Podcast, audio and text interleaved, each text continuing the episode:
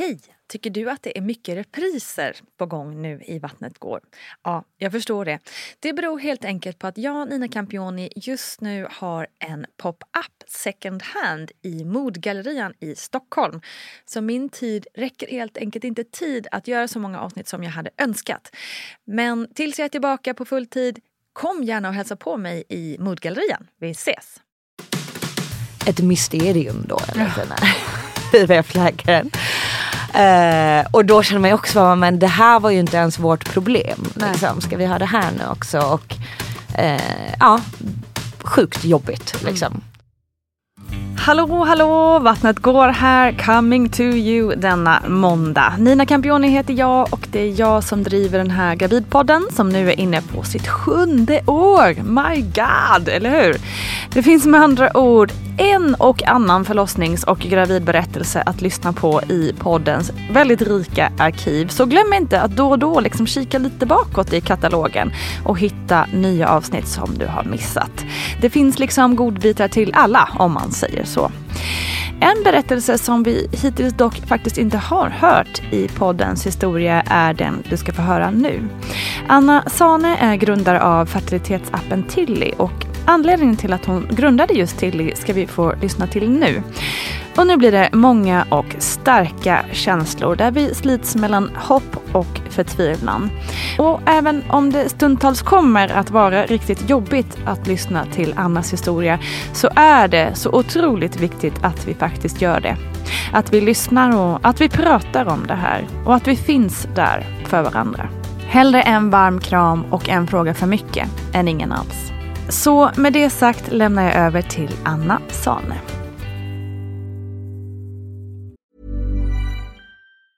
Have catch yourself eating the same flavorless dinner three days in a row?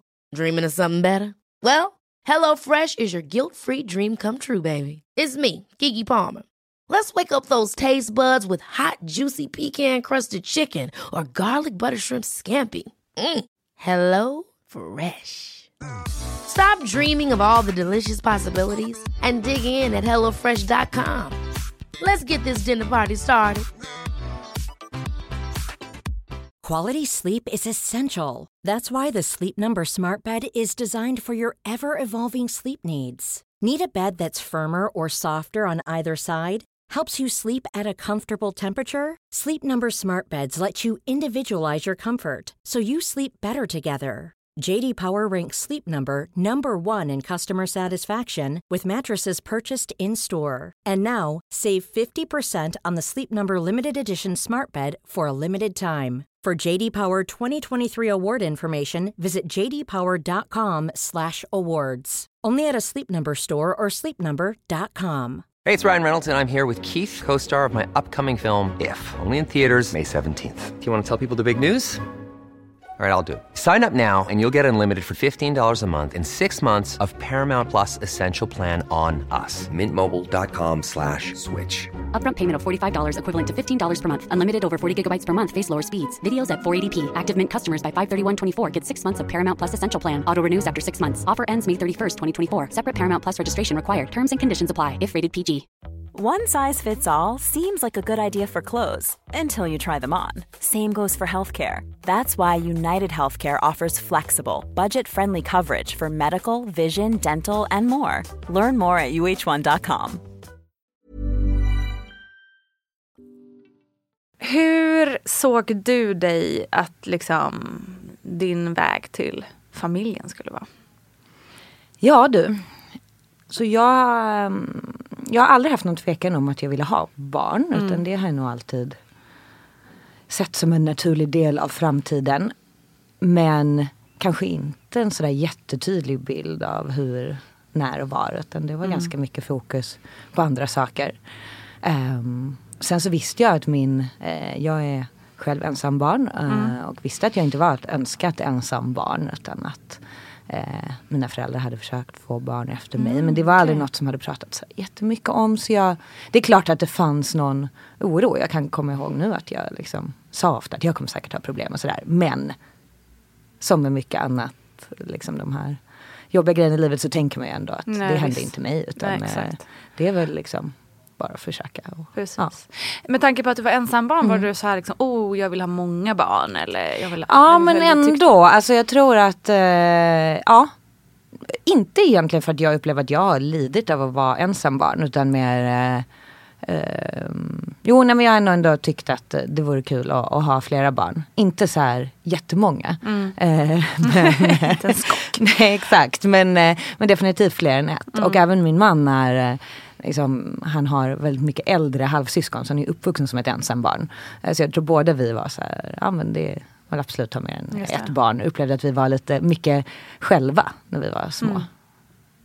Och liksom, var, det, var det så att ni bestämde nu ska vi försöka eller var det så, äh, att det bara blev, nu var vi lite redo så nu bli, råkade det bli. Ja, liksom. ja men vi bestämde, alltså ett väldigt så här som det kanske liksom ofta är. Lite så här, eh, ja men du vet, man pratar om det taget fram och tillbaka och så känns det ju lite eh, det känns sjukt för att man liksom Mm. inte, jag vet inte om, man, om någon vaknar upp en dag och bara är sådär redo. Utan det känns ju helt galet. Men vi bestämde ändå att så här, för jag hade en kopparspiral så nu, nu tar jag ut den. Eh, så det eh, liksom, var väl ändå något gemensamt beslut men ja, kändes väl. Men det var inte så att ni satte er och räknade dagar? Och, liksom, Nej, så. i början så var det inte så. Nej. Ehm, alltså dels så inser jag ju att jag hade riktigt dålig koll. eh, vad man Samma här. Liksom skulle göra. Och så var jag inte, jag var heller inte superstressad. Alltså det Nej. var inte så här, ehm, ja, det måste hända nu. Jag kände ingen jättestor oro där när vi liksom satte igång. Hur gammal Utan var du då? Då var jag, eh, nu ska vi se, eh, 32 måste jag ha varit. Ja. Måste ändå säga shout-out till eh, yngre generationer som, som verkar ha en mycket bättre koll på Mm. cykler, på mens och liksom att man pratar om det på ett helt annat sätt också. Det är, jag, det är så himla glad av det. Mm. Power to you. Okej. Mm, du tog ut kopparspiralen och ja, ni började känna att nu kanske ja. det kan. Ja men exakt. Och jag, eh, alltså när jag väl eh, efter typ två cykler eller något sånt eh, fick lite grepp om det hela. För min cykel liksom ställde om sig lite då. Mm, Den blev en vecka längre när Mm, spiralen kom ut. Men, nej, men så att jag, eh, ja men när jag väl började liksom, nysta ut hur det faktiskt funkade så insåg jag att jag hade varit helt off de här två månaderna när vi kanske inte riktigt hade försökt. Men då blev jag gravid. Jätte, på liksom när, alltså jag, när jag använde ett ägglossningstest som jag hade koll. Liksom. Mm. Så det var ju mer eller mindre första försöket. Mm. Hur kändes det då? Jo men det var ju en sån här eh, Ja med, med allt som har kommit efter så kan jag ju verkligen tänka på, alltså det var ju verkligen en sån här, alltså jag var ju jätteglad och så här naivt helt men också jättesvårt att ta in. Alltså att man bara, jaha oj. Eh, men var ju liksom, eh, ja båda jätteglada och tror jag en lättnad också såklart. Att man bara, ah, det funkade. Ehm, men eh, som sagt, det är väldigt svårgreppbart sådär i början. Gud ja. Mm. Det är väldigt abstrakt. Exakt. Eh, och lite sådär scary. Ja, nej men Alltså- exakt. Eh, verkligen. Mm. Och så känns det som att man ska Alltså att det ska kännas sådär svartvitt att man gick från inte gravid till gravid. Men så är det ju liksom inte Nej. riktigt sådär tidigt. Hur mådde du? Nej, men jag mådde bra. Eh, alltså jag, ingen, egentligen så kände jag ju inte så mycket alls. Alltså sådär, ja men du vet. Gick på toaletten ofta och liksom eh, kände väl någonting men inte något liksom akut illamående eller sådana där grejer. Vilket ju, mm, ja, eller man kan ju må bra eh, även om allt går bra. Men jag eh, fick ju sen ett missfall i ett spontant missfall så jag började blöda i vecka åtta ungefär. Ehm, och ehm, ja, Förs- det var ju, ja. Förlåt, förstod du när, du när det började blöda vad det kunde innebära? Eller? Jag förstod ju vad det kunde innebära, Mm, ja. Men var väl också sådär att jag inte man ringer ju och eh, då blir det lite man kan blöda under en graviditet och du vet. eh, Så det är någon form av, eh, Filip min mamma bortrest och man bara Nej men det var liksom eh, lite så här, men du får en tid på tisdag så det här var en lördag tror jag. Eh, så man bara nej, det var inte ändå. Men sen så var det ju, började jag ju blöda mer och mer. Eh, så att efter ett tag så blev det väl liksom uppenbart eh, vad det handlade om och åkte in till, till gynakuten. Och det var ändå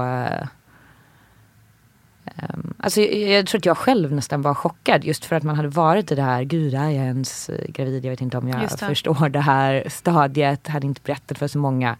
Till att jag blev så ledsen. Mm. Alltså så att jag nästan liksom blev chockad själv över hur mm. jobbigt det var. Mm. Um, ja, vilket jag tror många känner igen. Um, men det är ju någonting det där med att vi, alltså vi firar ju en graviditet. Det är mm. liksom, det är, det är ju ändå någonting, eh, någonting som är glatt och förhoppningar och mm. alla de där sakerna. Mm. Eh, och då blir det lite konstigt att man sen när man får missfall ska man bara okej okay, men det, det, är vanligt. Ja, men alltså, eh. verkligen, verkligen. Så att, eh, och det är ju mm. också att visst man firar också utåt men man firar också inåt på något vis. Mm. För att även som du säger man kanske inte alls fattar det Alltså hjärnan fattar inte Nej. det riktigt. Men kroppen fattar ju det. Ja. Kroppen fattar ju att det är någonting som växer inom en. Det är och väldigt det... mycket alltså, kring allt med liksom, ja. graviditet och barn uh, och sådär så är mm. det väldigt mycket saker som vi inte kan ta på. Alltså, men det, det blir väldigt tydligt att det är så när, mm. uh, när någonting inte går som det ska eller man utsätts för stress eller något sånt där. Och det blir väldigt tomt när det inte längre finns där inne. Mm. Liksom. Även om inte hjärnan som sagt hängt med Nej. på resan så, så känns det ju ja. jättemycket. Exakt och det är ju förhoppningen liksom, som man mm. förlorar. Och tror jag för mig också det väldigt snabbt det valet. Det blev nästan lite för mig som att trycka på en knapp. Alltså från det här, eller ja, det händer när det händer. Mm. Eh, mm. Eh, känslan, mentaliteten så gick det verkligen till att det måste hända nu. Och mm. mycket sådana här eh, katastroftankar. Liksom, att nu, mm. kommer jag, nu kommer det aldrig hända igen. Det kommer aldrig funka. Helt, eh, absolut helt ologiskt. Och det kan mm. man, ju, man kan ju nästan titta på sig själv utifrån och bara, gud vad irrationell mm. du är. Mm. Eh, men eh, ah, det är ju liksom, det är emotionellt. Så mm. det, eh, det går ju inte helt att kontrollera och försvinner ju inte för att någon säger åt sig och oroa, att man inte ska oroa sig. Utan, nej, nej, nej absolut. Liksom... Man känner det man känner. Mm. Och man måste nog få gå igenom det också på något vis. Jag, jag tror att det är väldigt viktigt att man, eh, alltså det man behöver är ju snarare Alltså man behöver inte bara den här peppen och tänk inte på det och det kommer lösa sig nästa gång. Utan man behöver ju mer bara, jag förstår att det är jobbigt och så får man, mm. Eh, så får man som du säger, känna det ett mm. tag. Mm.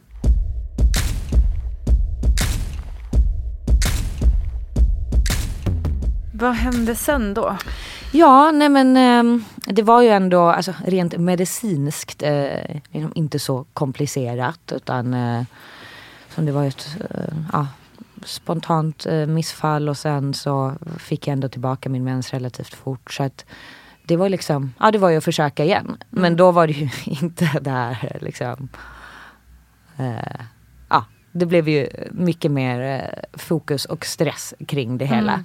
Alltså, och det är ju så här i efterhand. Men det, var, det var väl en, ett försök emellan när jag inte blev gravid och sen blev jag gravid. Och liksom hela den perioden var jag ju jättestressad. Mm. Eh, så sen när jag väl blev gravid så kände man ju sig dum också. Att man bara, men gud mm. vad har jag hållit på med? Mm. Eh, och eh, liksom, det är ju, är ju helt naturligt och framförallt liksom så många som får försöka så mycket längre än så. Eh, men ehm, nej men så att jag blev eh, gravid igen. Um, och uh, då var ju den här, liksom, man, alltså, har man haft ett missfall så är den här naiviteten mm. uh, borta. Liksom. Det är inte så att man uh, bara går runt och liksom, inte tänker på det. Utan då var jag ju, jag, men, jag var ju orolig. men hade väl min referensram var ju då ändå fortfarande liksom kring de här missfallen. Alltså de, som är störst risk fram till vecka 12. Så mm. det var väl ändå då som oron var som störst. Mm. Och mycket så här, jag trodde att jag hade börjat blöda hela tiden och mm. liksom sprang in på toaletten och mycket sådana där grejer som man också håller på med helt själv. Alltså man, man är ju, det är mm. liksom jag och min kropp som mm. är i det. Det blir ju lätt ganska, ganska ensamt. Men um, men eh, ja, vi, vi var på något ultraljud där ändå i, och fick se ett hjärta liksom i jag vet inte exakt men vecka åtta eller någonting. Mm. Och sen så Ja, och sen så gör man liksom, så är det vecka 12 och kub och vi gjorde NIP-test och allt ser bra ut. Och liksom, så då vaggas man ju in i någon form av trygghet att det här händer väl liksom. Mm, mm. Och som ja, men alla som varit gravida vet så blir det ju mer och mer eh, även om det kanske är lite abstrakt ända fram till slutet så blir det ändå mer och mer eh, eh på riktigt. Precis, liksom. mer synligt och plötsligt kommer spark. Alltså det händer Ja. mycket i kroppen. Ja, nej men som, exakt. Som är mer tydligt. Ja, nej men och det kändes ju ändå, alltså du vet man börjar liksom prata med barnet där inne och bestämma namn och få reda på vad det är för kön och liksom många sådana där saker. Så att, eh, ja men där gick ju tiden och det som hände sen var ju att vi då på rutinultraljudet som var eh, det hade gått över vecka 20, jag tror vecka 21 eller något sånt där. Ehm, Då ehm, egentligen så såg det mesta positivt, positivt ut. Och det var väldigt mycket så här, ja men titta där i hans lilla fot. Och, eh, så här, det var en pojke då. Ehm, och sen så såg, men så såg de då någonting som de trodde var vatten i tarmarna. Och det var, det var väldigt mycket så här, ja men det är eh, det, det är nog ingenting och det, vi, vi ser ju typ för mycket på de här maskinerna nu för tiden och så. Men jag fick i alla fall en tid hos en specialist då några dagar efter. Och ehm, vi var nog verkligen inte så oroliga för att de var så himla liksom, positiva. Eh, och tror jag på den tiden som jag kan säga nu när jag fortfarande utgick från att allt skulle gå bra. Eh, liksom. Så och jag menar, då har ju min man var bortrest igen då. Men det var, kändes liksom inte ens som en så stor grej att han inte skulle följa med. För jag skulle bara springa och göra det där.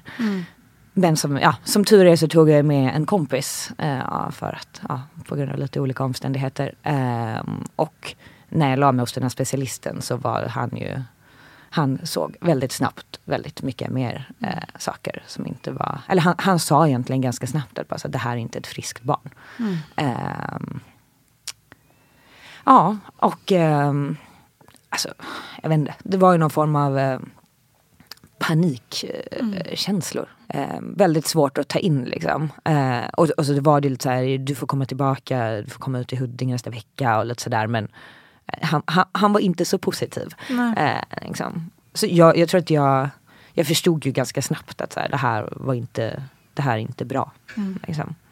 Eh, och att det var ganska många olika saker också. Det var inte ja, men, eh, liksom hjärtfel och njurar och mage. Alltså det, olika saker, mest på, på insidan så att säga. Så att eh, ja.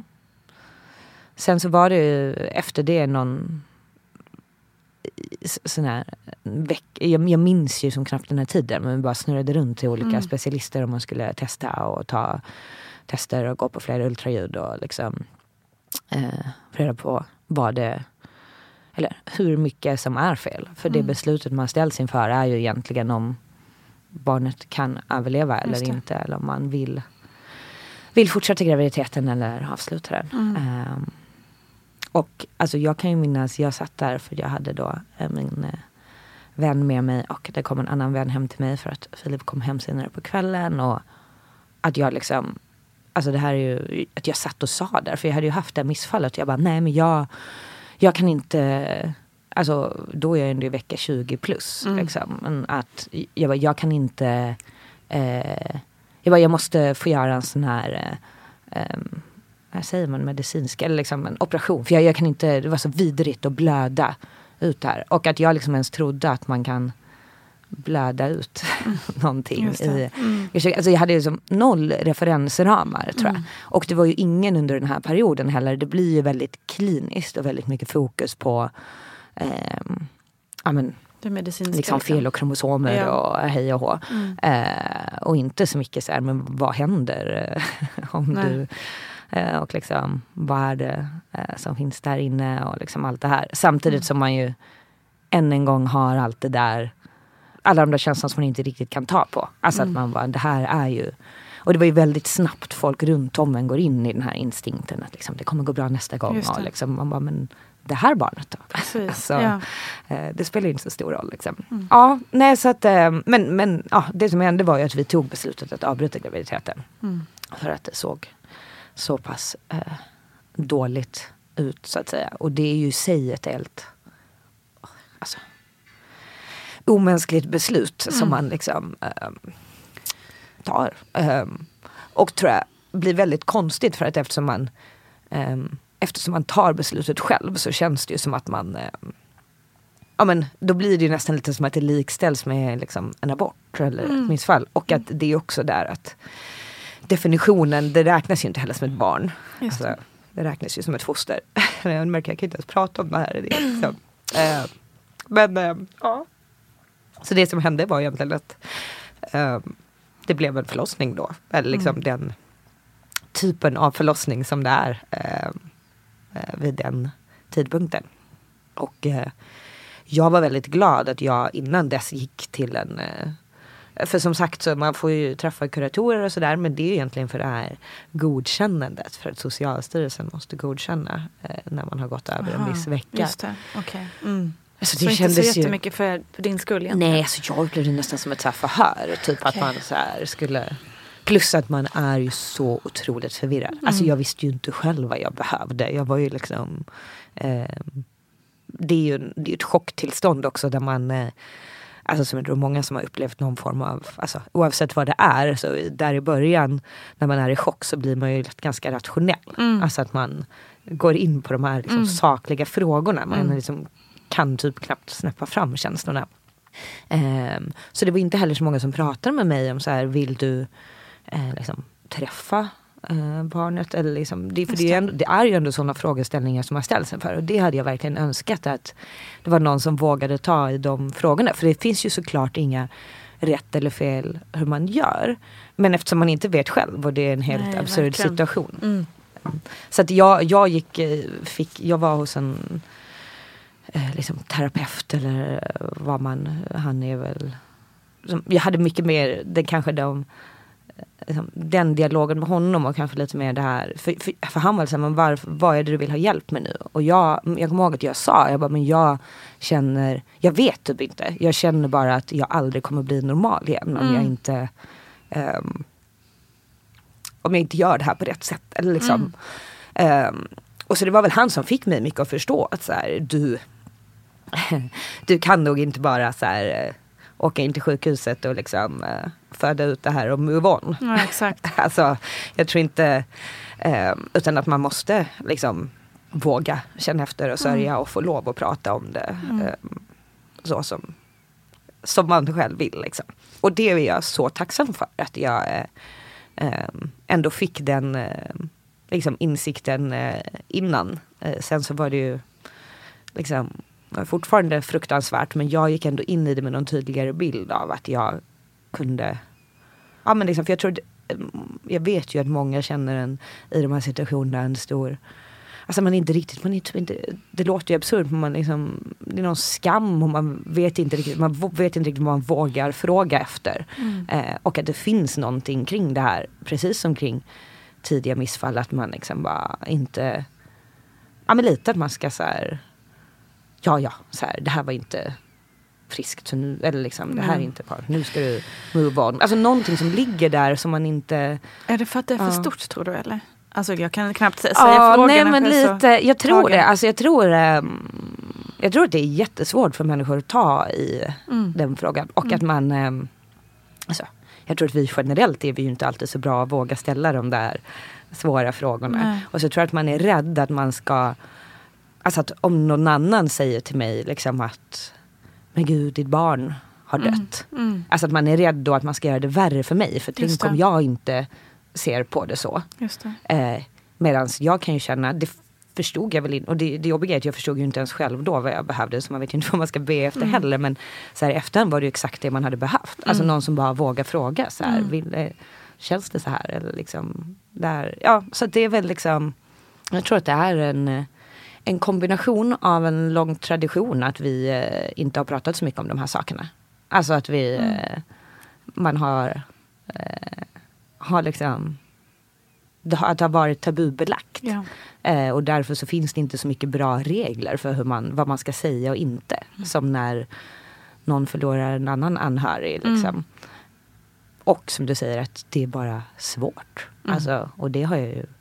Ja, för det är ju, alltså jag känner ju bara att sitta här, kan ju knappt hitta orden. Alltså för att, men jag, och jag är ändå här för att, för att ställa frågorna.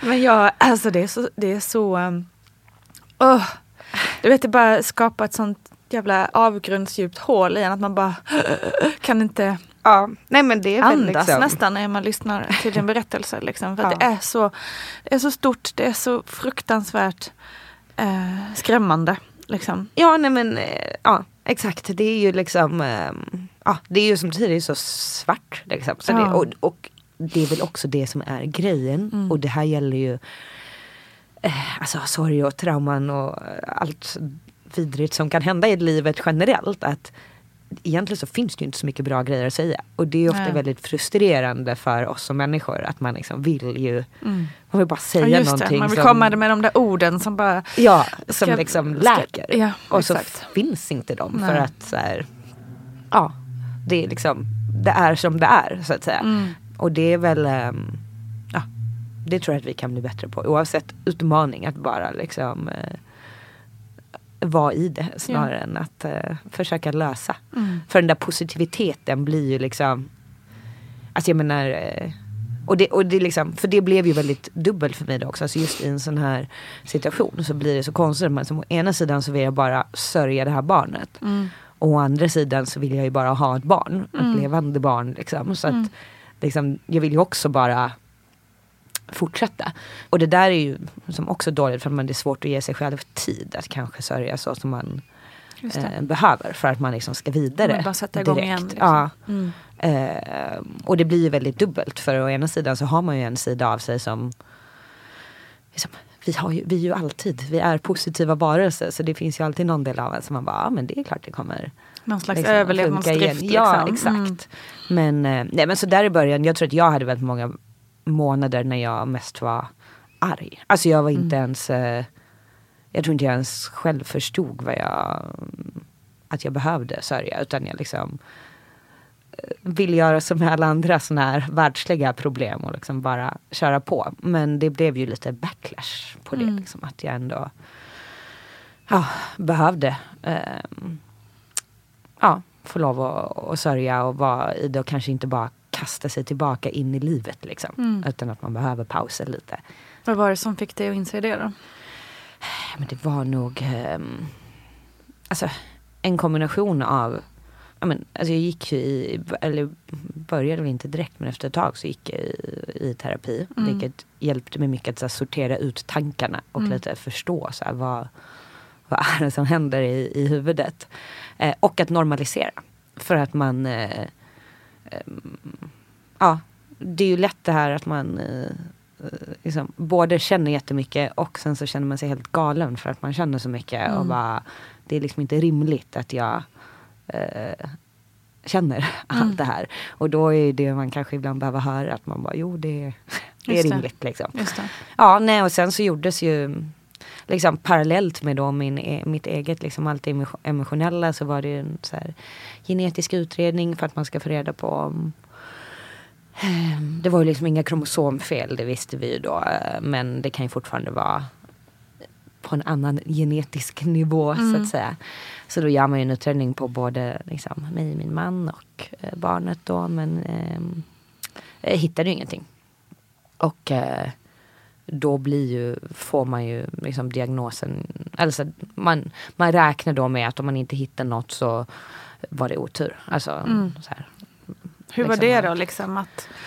Ja. Ja, nej, alltså det var ju så här. um, Just där och då så var det nog lite dubbelt. Alltså det, på ett sätt så vill, här är det ju så skönt att få veta att det var något så att man eh, slipper oroa sig framåt. För det är ju inte liksom en det är aldrig en hundraprocentig garanti även om de inte hittar något.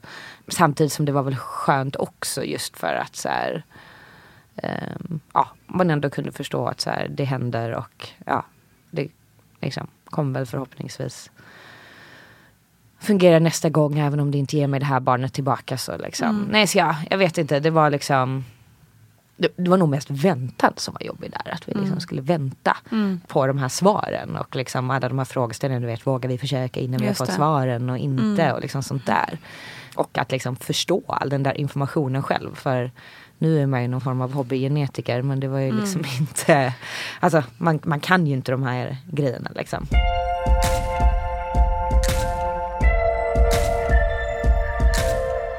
Men nej, så vi fick ju ändå reda på att det inte var något. Och då var jag faktiskt, för det tog så lång tid innan vi fick svaren, Så då var jag gravid igen. För att jag blev... Oh, wow. Och det är jättekonstigt att tänka. Men jag, alltså jag tror att jag...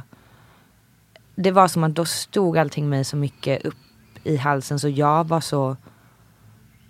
Alltså jag var nästan mer positiv. Jag var så här, men nu, nu har ju allt som kan hända Mm, men precis. hänt. Nu kan det liksom Nu kan vi inte ha gå mer otur liksom. Nej, Nej. det är liksom inte det i rimlighetens värld. Mm. Ehm, alltså, så är det klart jag hade någon oro men den var inte akut liksom. Mm. Så att vi gick på första ultraljudet i vecka 11. Eh, vilket är ju inte sent men det är fortfarande inte liksom, så tidigt som man kan göra heller. Mm. Och då hittade de inget hjärta.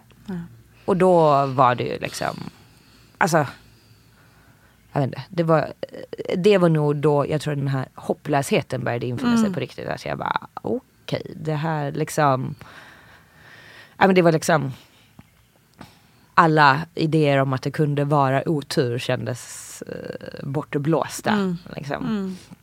Så det var ju eh, en Mr. Abortion och eh, fick då liksom ta tabletter och eh,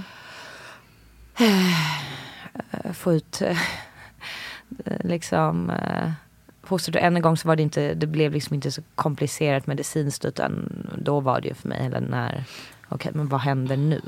Ehm, och, Var det redan då, liksom, alltså, eftersom nu har hänt flera gånger Mm. saker i dina graviditeter, tog liksom läkarvården tag i problematiken direkt? Eller fick ni själva liksom pusha på för att... Eh, ja, nej det var ju väldigt, det är ju väldigt, alltså så här fertilitetsvården, ehm, alltså det finns inte en liksom så sammanhållen, jag vet inte om man, det är rätt uttryck, som sammanhållen vårdkedja. Alltså när Nej. jag var på gynakuten då för liksom fick hjälp med ehm, liksom missfallet då. Så frågade jag ju, ja men nu, vad, vad vänder jag mig nu? För nu har jag ju haft tre, alltså även om det andra då inte räknas som ett missfall. Så, men du vet, så jag bara, men nu måste jag ju nu vill jag göra en utredning. Exakt. Och de var så här, nej vi vet inte riktigt, du får nog ringa till lite fertilitetskliniker. Och så sitter man ju där och ringer runt och Mm.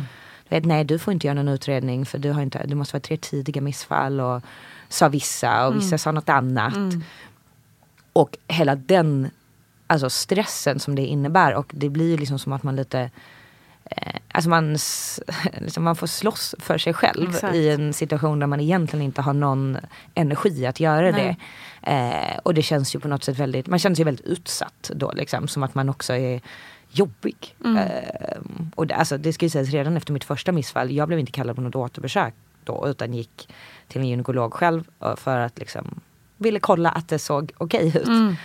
Eh, och han, innan jag ens hade lagt mig i gynstolen så sa jag han liksom att ja men er generation är så stressade och du, allt ser så bra ut.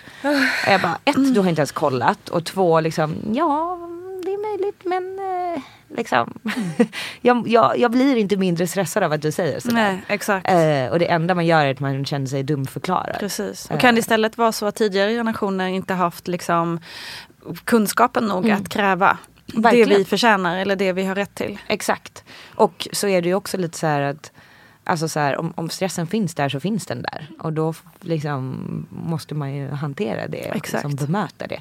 Så att eh, nej, så det, det var ju, men jag fick ju att göra en missfallsutredning då. Eh, som inte vi, alltså, och det var ju liksom också för en missfallsutredning är ju egentligen, alltså upprep, ett enskilt missfall och upprepade missfall det är ju lite som att jämföra två olika eh, liksom, medicinska tillstånd. För med upprepade missfall så minskar ju risken att det beror på liksom, kromosomfel.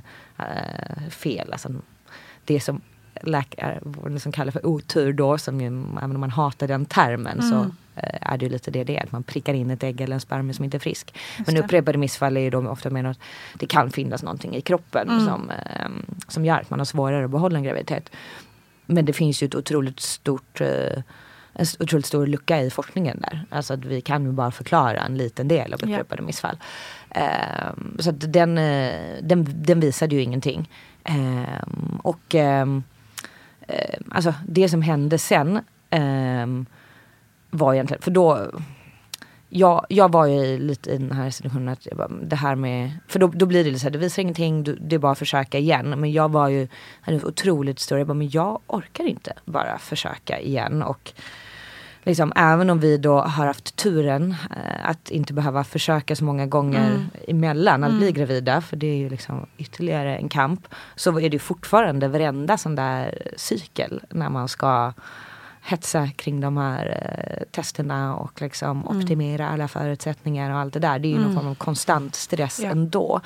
Eh, så, jag, och, så vi kom egentligen i kontakt med då en IVF-klinik eh, i Finland eh, för att man kan ju det finns ju en metod där man kan analysera liksom, embryona och se om de har kromosomfel innan man sätter tillbaka dem som inte är tillgängliga i Sverige.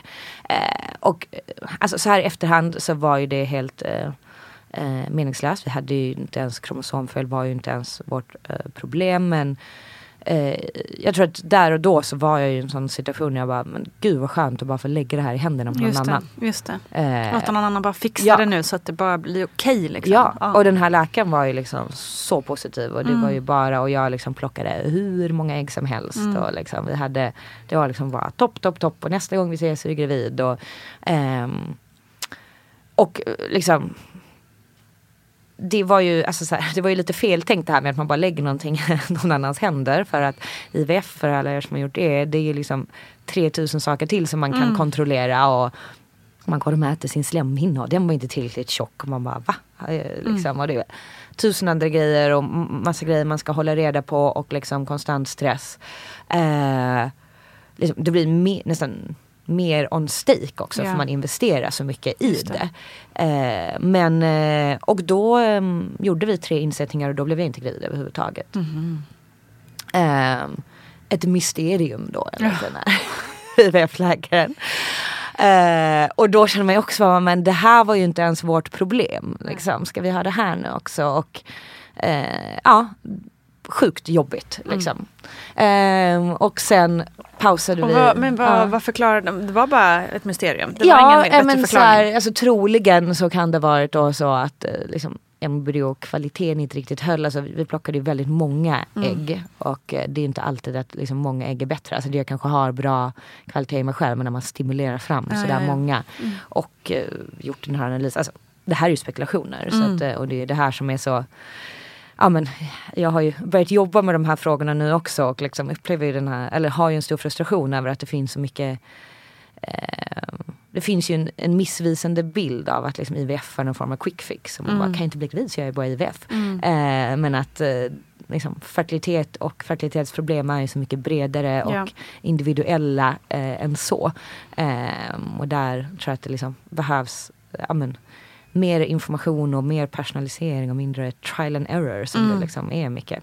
Men eh, ja, nej men så att vi liksom efter insatsen så pausade vi och bara, men det här liksom, det här orkar vi ju inte. Ehm, och då blev jag gravid.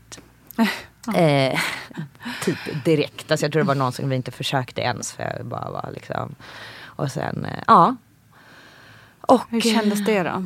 Nej men alltså, ja. Alltså, det är ju såklart är man ju jätteglad. Men också liksom såklart. Liksom, man, är ju inte bara glad över en graviditet efter den här historiken. Och sen så hade jag ju en ganska stor liksom sån här eh, meningslös på ett sätt men bitterhet då över. Alltså för att det alla som har försökt få barn vet ju också att tiden liksom får ju. Alltså helt plötsligt har det ju gått mm två år och de som man skulle få barn samtidigt som är typ gravida igen. Ja. Och det är Mm. liksom allt det här bara. Så att liksom varje månad är ju att jag liksom har wastat. Alltså jag hade ju ändå hållit på med den i nästan, nästan ett år. Mm. Eh, alltså det var ju som, ja det är ju väldigt mycket sån här bitterhet som byggs upp längs vägen. Liksom. Konstigt annars. liksom. Eh, ja. Du har Så också att, varit eh, gravid väldigt mycket. Liksom. Exakt. Eh, ja, nej, och det är ju och det är också en bitterhet. Liksom, för Mm. att jag menar, eh, alltså, det gör ju också, alltså, både då efter man varit mycket gravid och försökt så upplever man ju att det är mycket saker man missar. Alltså man Ja, har sitt såklart. liv on hold. Liksom. Mm. Eh, och eh, tacka nej till antingen för att man är deppig eller för att man inte ska dricka för mycket vin eller vad det nu kan vara. Liksom. Eh, och det, ehm, ja så det blir ju liksom, därför så blir det ju inte heller, jag tror att eh, alltså, hela den där känslan av att det är inte som att man bara oh yes nu gick det, nu är jag gravid nu. Nej, alltså det. dels för att jag inte vågar lita på att det ska funka och också för att liksom det känns väldigt nedvärderande mot liksom allt man har känt. Att man bara skulle, ja ja men nu så. Mm. Ehm, men eh, nej men ändå så liksom, ja. Man, liksom, vi gjorde ju massa ultraljud och var jätteoroliga att det var något fel. Eh, men fick då ändå lite så här, då skulle vi få göra eh, ultraljud tidigare hos den här specialisten. Men det som hände var ju då att jag gick på något extra eh, ultraljud i, ja, jag, vet knappt vilken vecka, det var lite tidigare jag skulle till den här specialisten och då såg hon att, alltså det, det hör ju till saken också att så här, man kan ju inte eh, se alla saker så Nej. tidigt. Alltså så är det bara. Ehm, för att eh, det är väldigt små eh, bebisar där inne. Men hon såg ju då att, att det bara fanns en artär i navelsträngen. Eh, och man ska ju ha eh, två och det är ju en sån sak som kan hända och behöver inte innebära ett problem. Men eh, Malcolm, vår son, hade ju också det och det kan vara en markör på andra problem. Eh, och hon tyckte att eh, njurarna såg lite svullna ah, Det var bara så här. eh, Hon försökte ju hålla modet uppe men för mig så liksom svartnade det. Och jag mm. menar, alltså jag kan säga det är ju inte, det är inte ett enda ultraljud för mig längs den här resan som har varit Alltså eh, Vissa har ju turen att gå på ultraljud för att det ska bli jättekul att få se barnet. Liksom. För mig är det ju bara, bara ångest. Liksom. Nej, och eh, det som hände var ju egentligen att sen så snurrade, de, hon, de kunde inte ses mycket mer. Sen hamnade jag hos specialister igen och det visade sig att även vår dotter som i det här var då var sjuk. Eh, och ehm, ja, så det egentligen så var det upprepade sig. Liksom, Det hände igen. Samma sak igen. Ja. Och ehm,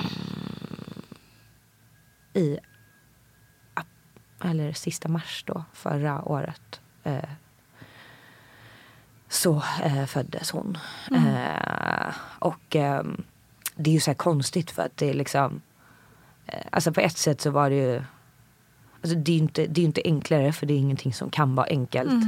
Ehm, men jag var också mer förberedd på Alltså det var, det var inte lika stor så här, vad, eh, vad, är, vad är det som kommer Nej, hända? det. hur kommer det gå till? Hur vill jag eh, liksom, eh, liksom det, det fanns ju inga konstigheter kring att jag ville ha henne hos mig liksom hela natten efteråt. Alltså alla de där sakerna som jag hade varit mycket mer eh, eh, var mycket mer svåra att eh, förhålla sig till. Eller liksom veta hur jag ville göra. Ehm, och också tror jag att jag var bättre efteråt på att verkligen eh, Det var ju också corona och vi eh, liksom, åkte, flyttade ner till Skåne och lite så här bara checkade ut. Ehm, men fortfarande såklart samma sorg och eh, allting igen liksom. Ehm, Får jag fråga, du får berätta hur mycket du vill såklart och hur lite du vill. Men som du säger där när du hade henne hos dig. Hur, hur funkar det? Liksom, är det? Tror du att det är det bästa liksom att få, få vara nära ett tag? Liksom? Alltså jag, ehm, man är, vill ju inte säga liksom, vill aldrig bestämma åt någon annan. Alltså Nej. det finns ju forskning på det som visar att eh, många upplever att det är enklare om man får eh, träffa och se för att man liksom får ett avslut och att jag läser om väldigt många i, liksom, i grupper och liknande där folk som inte har gjort det ångrar det. Ehm, sen så är det ju självklart så att det kan finnas olika omständigheter. Eh, alltså eh, ja, olika tidigt och sent under liksom graviditeten. Alltså det finns många, det finns väl egentligen inget rätt eller fel men, ja, men jag upplevde att det var väldigt viktigt för mig att få ehm, Alltså så här, det, det var väldigt viktigt för mig att bara erkänna att det här är mitt barn och för att liksom kunna ehm, kunna sörja och gå vidare och liksom inte eh, Alltså att det fick vara på riktigt. Alltså det tror jag generellt är liksom en grej som har varit otroligt viktig eh, för mig. Där jag absolut inte alltid har känt mig sedd i det. Alltså att man vill att omgivningen liksom ska erkänna att det är på riktigt. Alltså att det inte liksom eh, och, det, och, och, och så blir det ju inte. För att ehm, när man eh, åker in och föder ett barn som man får ta med sig hem så är det ju liksom eh, skickar man ju alltid bilder från eh, BB och liksom folk ringer och du vet eh, sådär. Och så blir det ju inte riktigt på samma sätt. Sen tror jag att jag andra gången hade väl liksom utbildat både mig själv och vänner runt mig. Så då hade jag ju vänner som frågade om du vill så får du jättegärna visa en bild. Och liksom så här, vilket var jätteviktigt för mig för att det kändes som att eh, ja, hon fick vara på riktigt liksom. Så jag tror att ehm, Ja, jag, jag tror att det vore egentligen bra om man i liksom vården, för det är ändå det som är ens ehm, liksom, annars måste man ju söka hjälpen själv någon annanstans. Eh, kunde eh, ja, men, inte bestämma åt den. Eh, för jag har också hört historier där de har liksom bara kommit in och liksom, här, du ska träffa. Eh, och det blir inte heller bra utan liksom inför att man ställs inför de där frågorna så att man hinner. För det ska ju också sägas att det tar ju um, det är alltid en väntan som ju i sig är vidrig mellan att man har tagit beslutet och att man väl får eh, liksom förlossningen. Men där man kanske liksom får landa lite i och prata om det med sin partner och har man samma syn och liksom alla de där om man har en partner med sig. Så liksom ehm, För det är ju också någonting med att för man är, ju- att det inte blir för mycket en chock.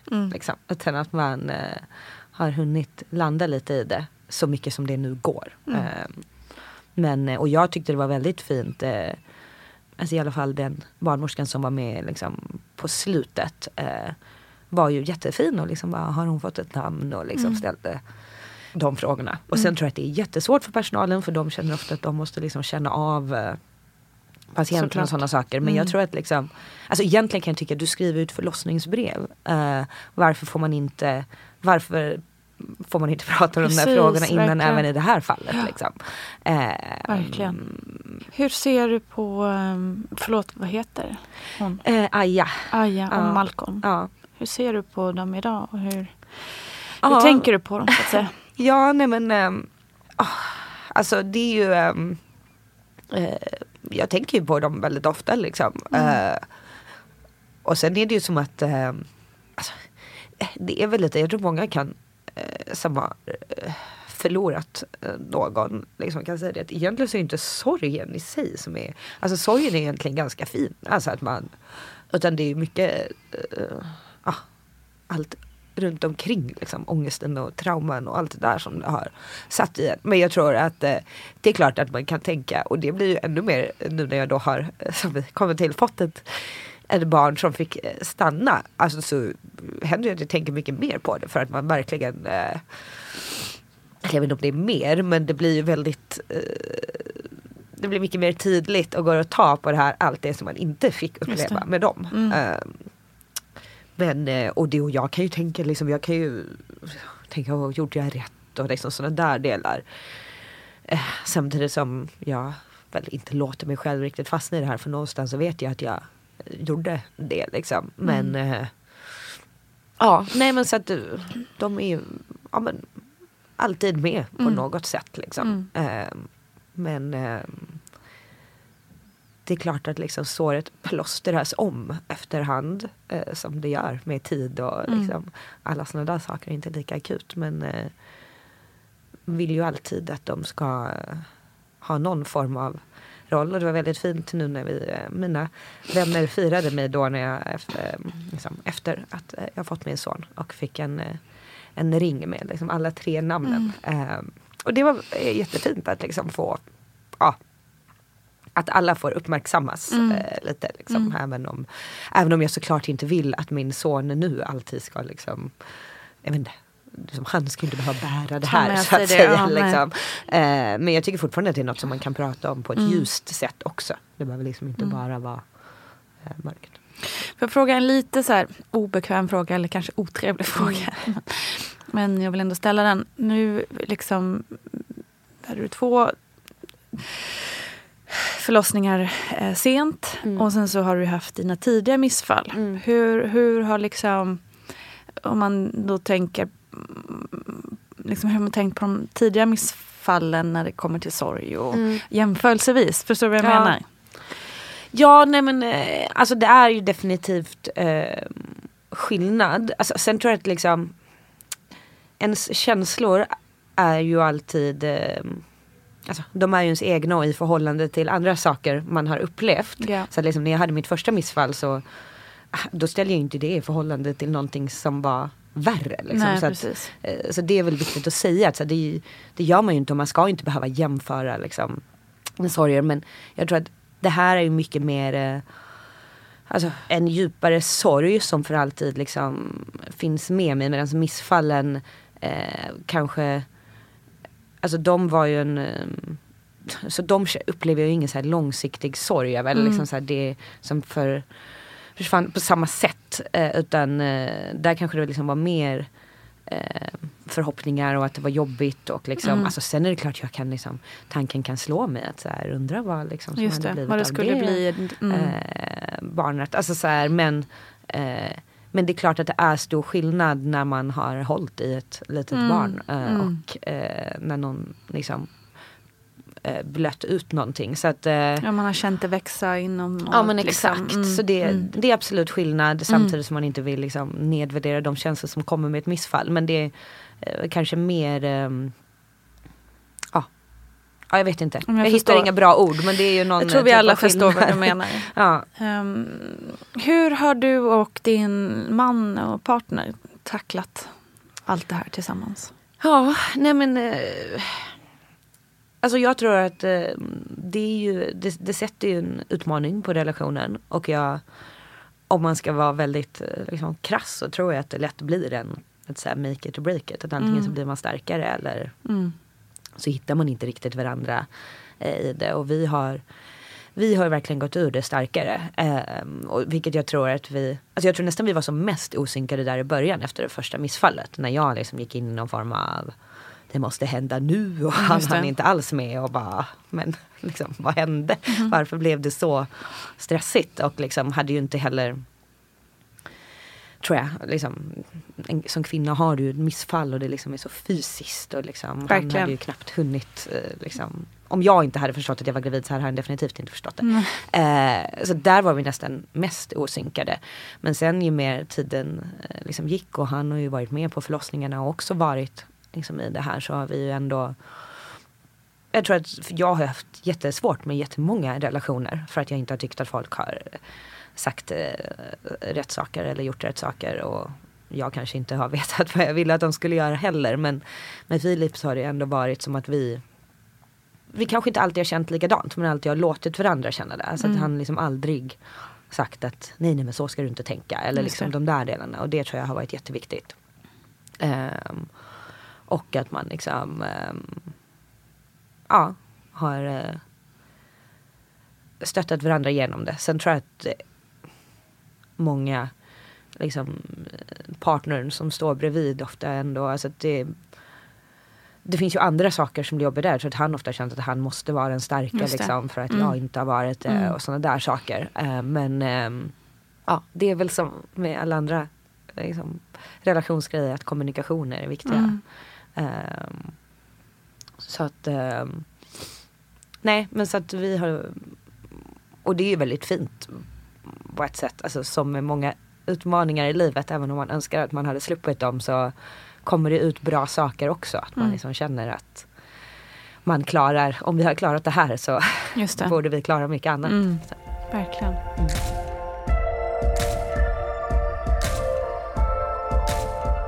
Du, efter din andra förlossning, var det då mm, du började känna att, att man måste göra någonting?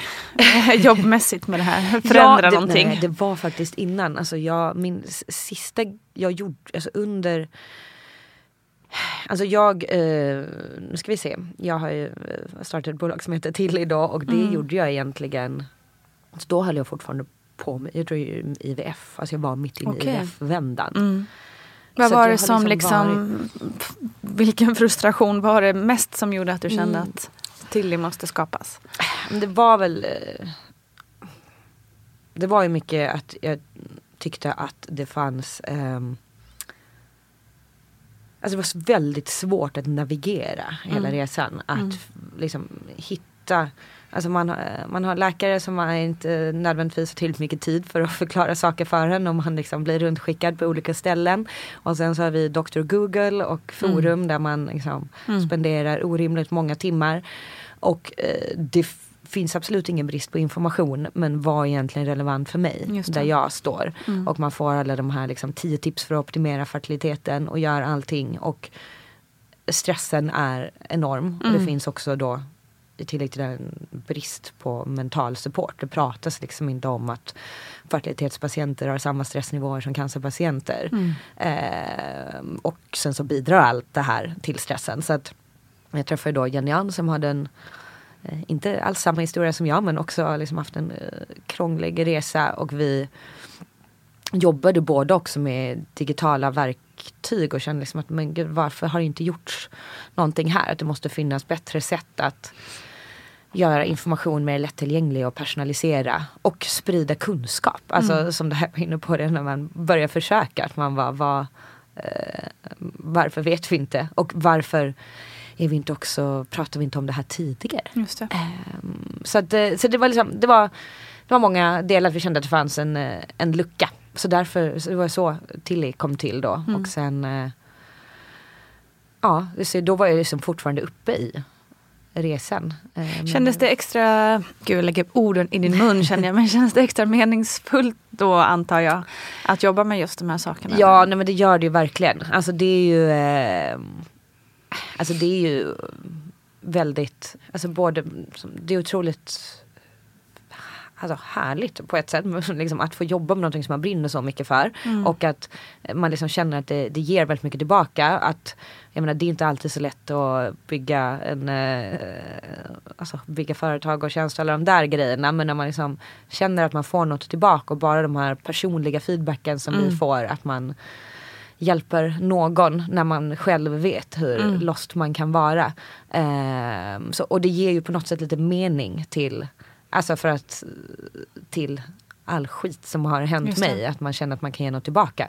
Och att så många gånger under resan med Tilly känner att jag, hade, jag hade inte kunnat göra det här Mm. så eh, som jag gör det om jag inte hade förstått på riktigt. För att ehm, det är så många nyanser i både vad man behöver, alltså hur behoven ser ut men också hur man liksom uttrycker sig eller Mm. vill ta emot budskap som är mycket enklare när man eh, Mm. är eller har varit där själv. Kan du kort bara säga, berätta vad till är?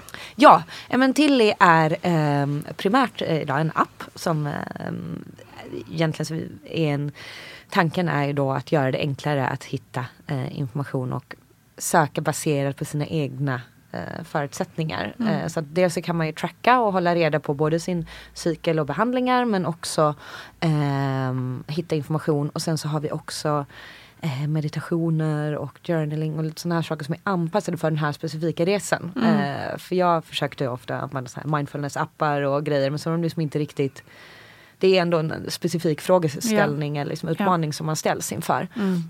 Så vi försöker ju skapa alltså, ett, liksom vi vill ha ett ställe där man kan hitta en bredd av support. Och också längs hela resan. För vi har ju också ett eh, hormontest och spermatest som är till mer för proaktivt eh, testande.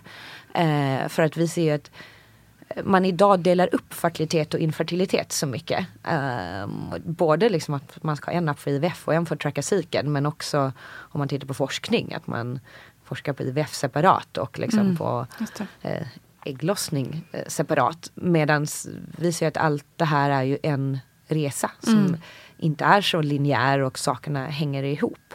Eh, så därför så vill vi kunna finnas där under, eh, under hela, hela resan. Sen är vi inte, har vi inte, är vi liksom har vi många idéer som vi inte har förverkligat än. Man bygger lite i taget. Men ja, ja men eh, så att det, är- det Man hittar helt enkelt appen på Och den i finns på- alla app stores och Exakt. olika och ställen. eh, Google Play eh, Ja. också sedan några veckor. All right.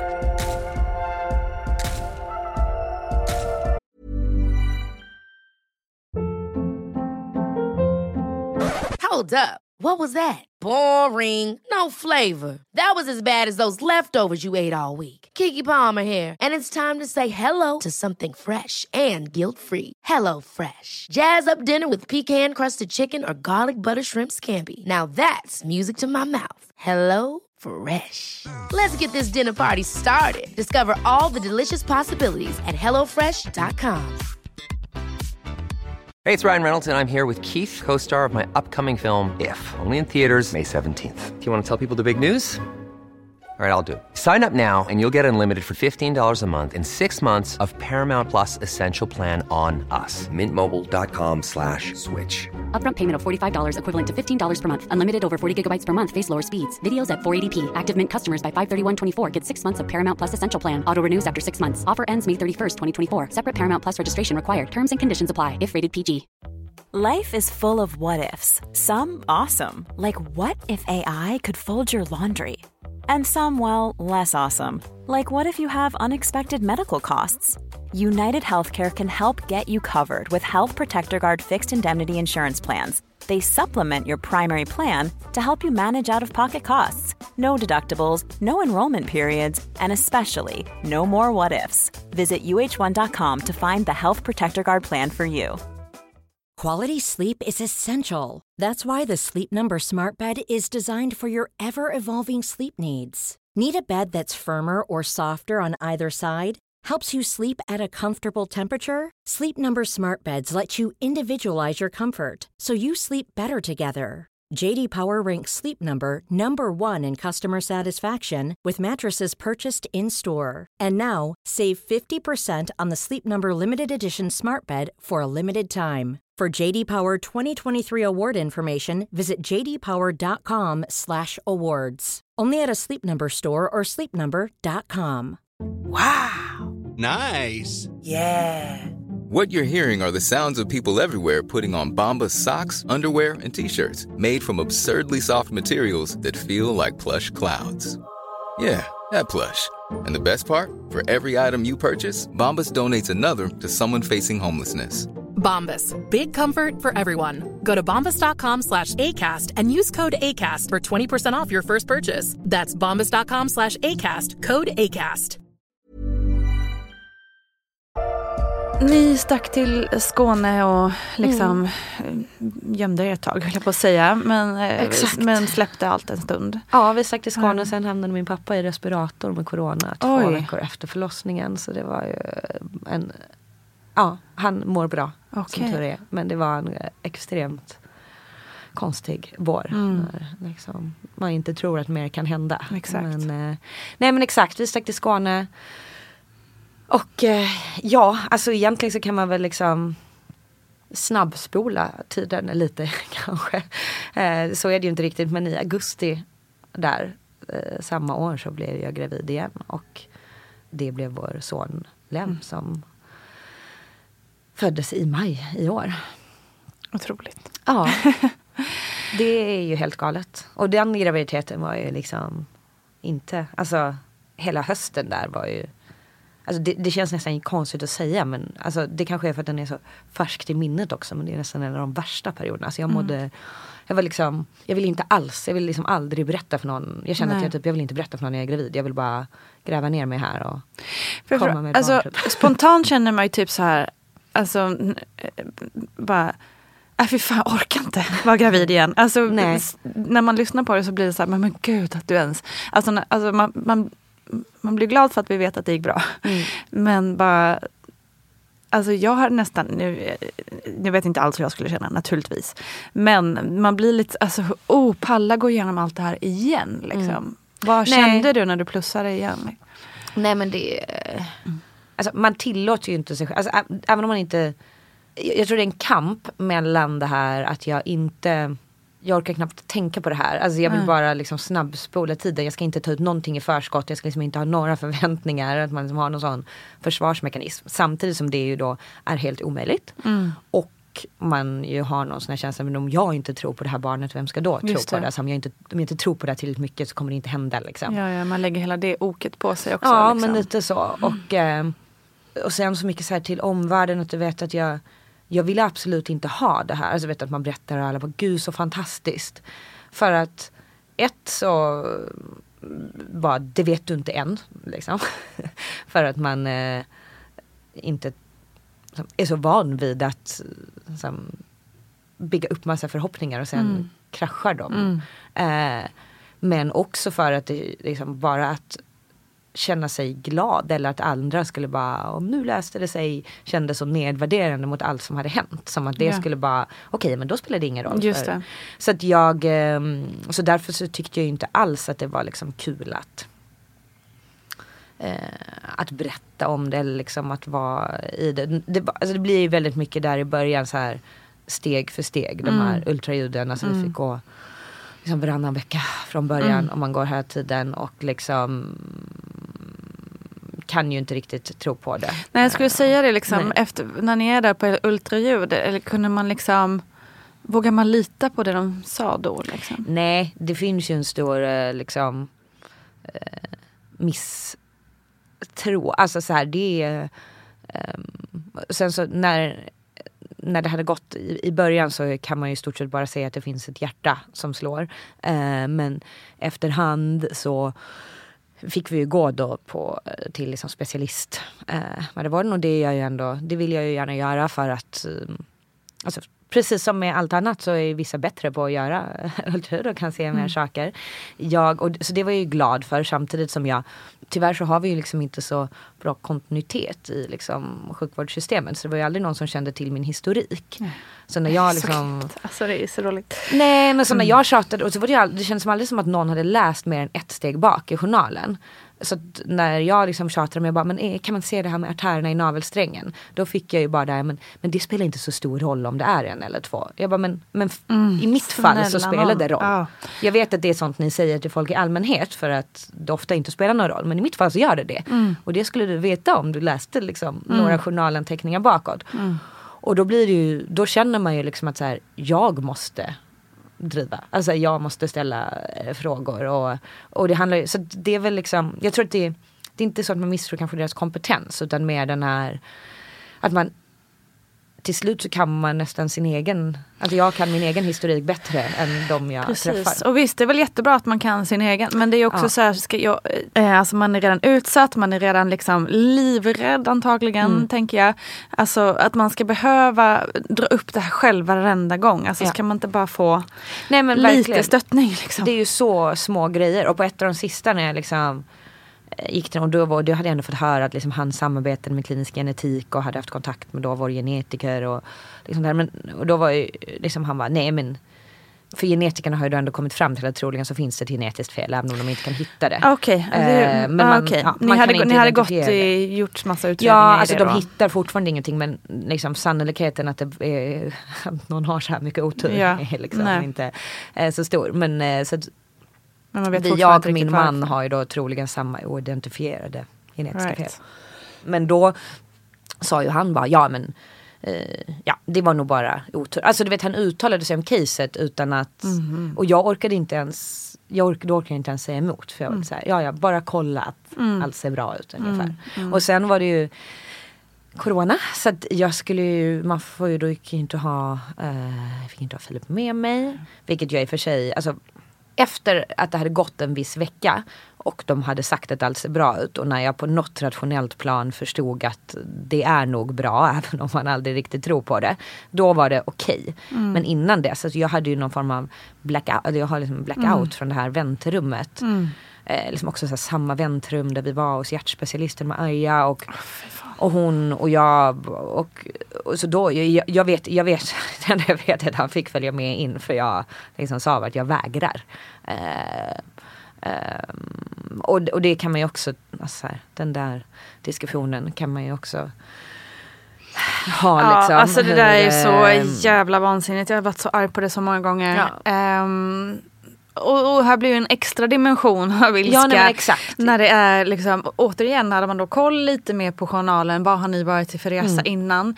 Kanske kan det vara okej på specialist ultraljuden. Ja. Att- För här vet man att det finns ganska hög risk att det, att det blir jobbiga Mm. besked. Ehm, Nej, och det finns Alltså, väl det är någonting, jag vet inte. Nej, alltså ja.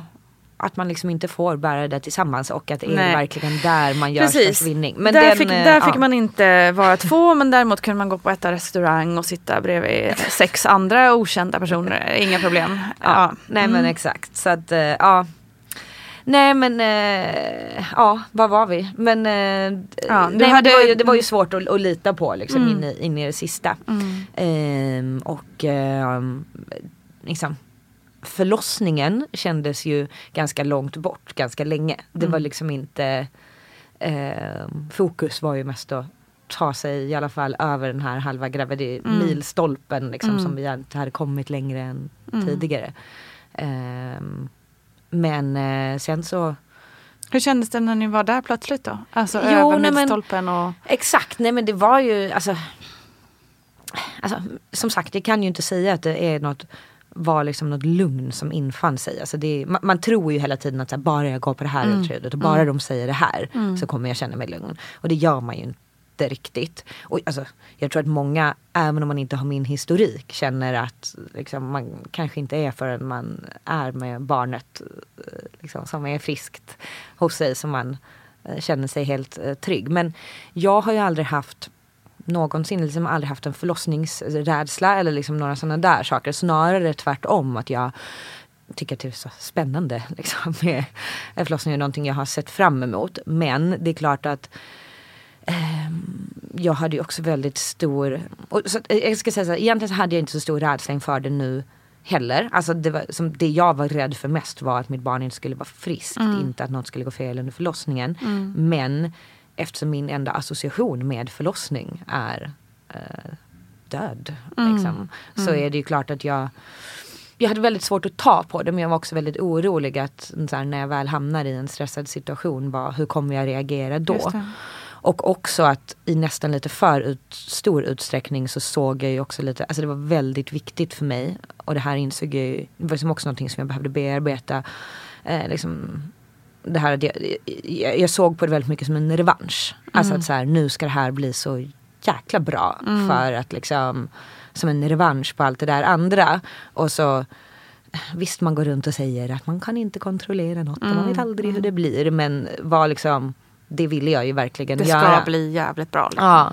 Och, eh, och vi hade ju faktiskt redan när jag var gravid med Aja så eh, tog vi kontakt med och träffade också en doula. Eh, så vi, hon hade ju varit med oss redan i den graviditeten. Jag kan ju ångra att jag inte så här i efterhand lät henne vara med då när jag var den förlossningen. Men apropå saker man inte tänker att man eh, har rätt till eller ska göra eller så. Men, eh, men så att hon hade ju ändå liksom varit med oss lite sen innan. Så det var ju väldigt mycket henne som vi hade samtal med liksom fokus på förlossningen. Och de här frågorna eh, inför. För att jag, alltså, dels är jag så som person. Att jag, information för mig är ett sätt att känna mig i kontroll. Alltså att jag tycker om att eh, sätta mig in i och liksom förstå vad, vad det är som ska hända. Så jag skulle aldrig, jag tror inte att Även om jag inte hade haft den här historiken så hade jag nog inte varit en av dem som bara åkte in och oj då. Ehm, och för att jag tycker att det är spännande. Liksom.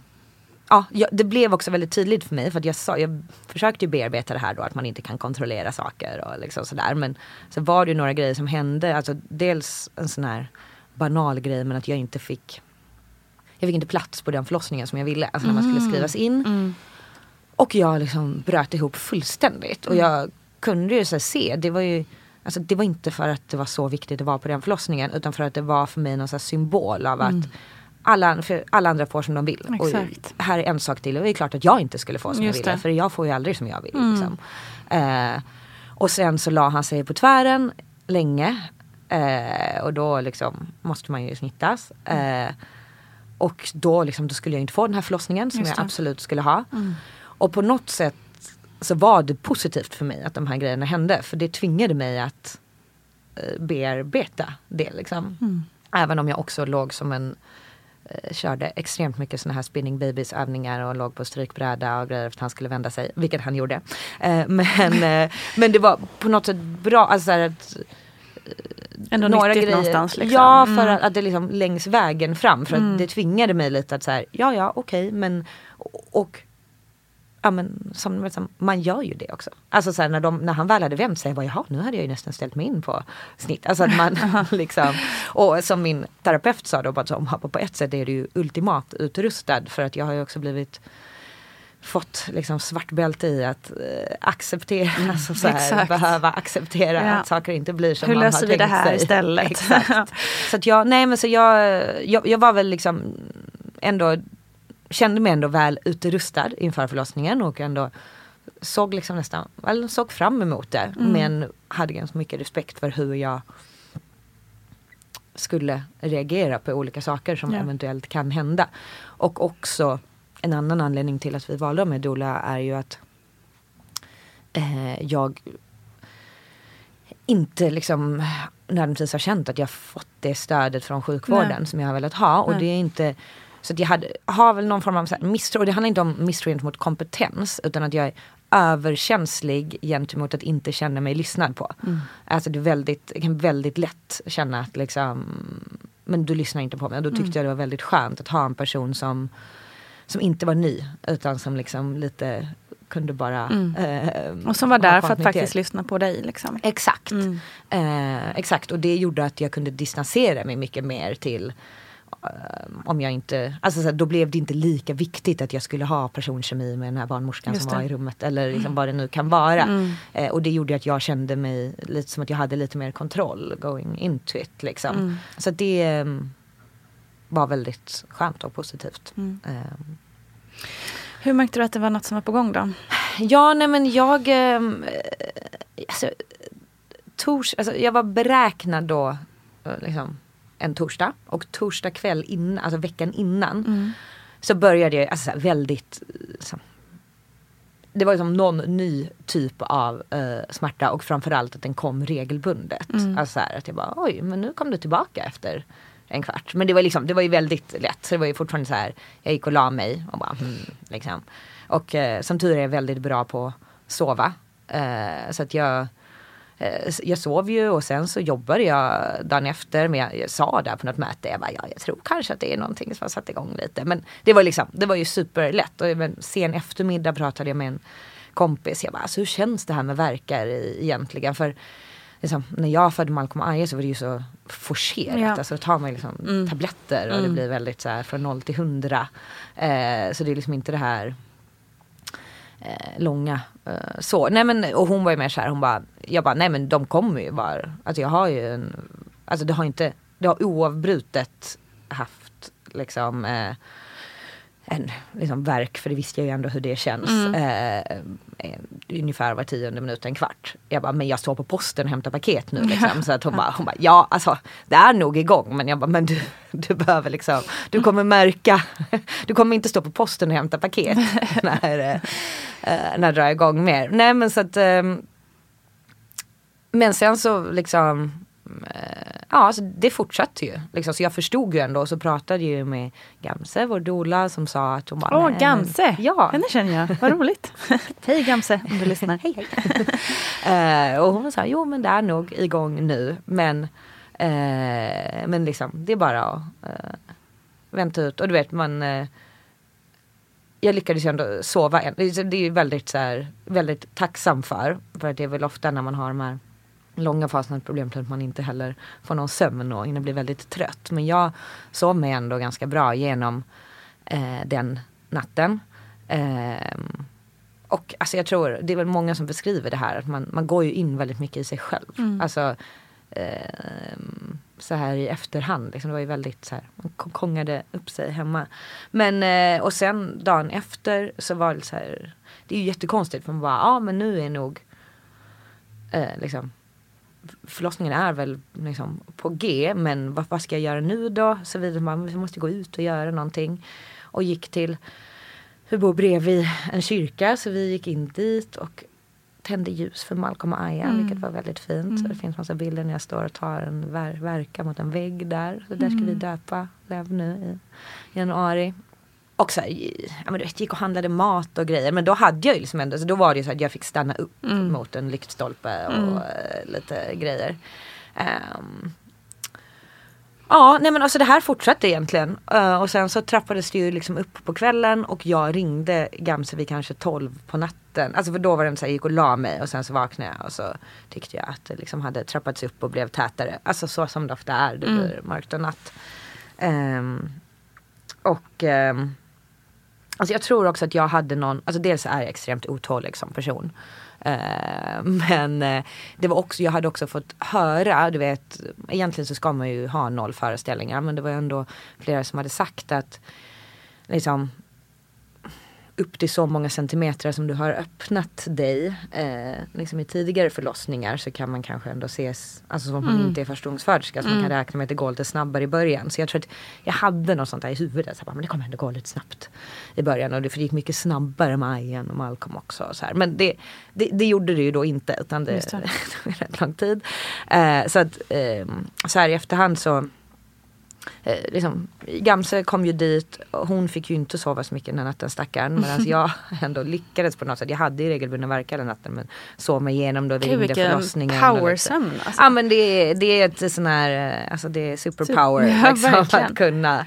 För det var ju det också när jag liksom ringde då till lossningen där på kvällen och bara ja men du kan komma in och få en sovdos. Jag bara men jag vill inte ha någon jävla sovdos liksom. Jag var så redo. Jag, nu vill jag, liksom, jag bara nu, nu, jag vill liksom om ni vill ha någonting vill jag ha en insvepning. Mm, till, liksom.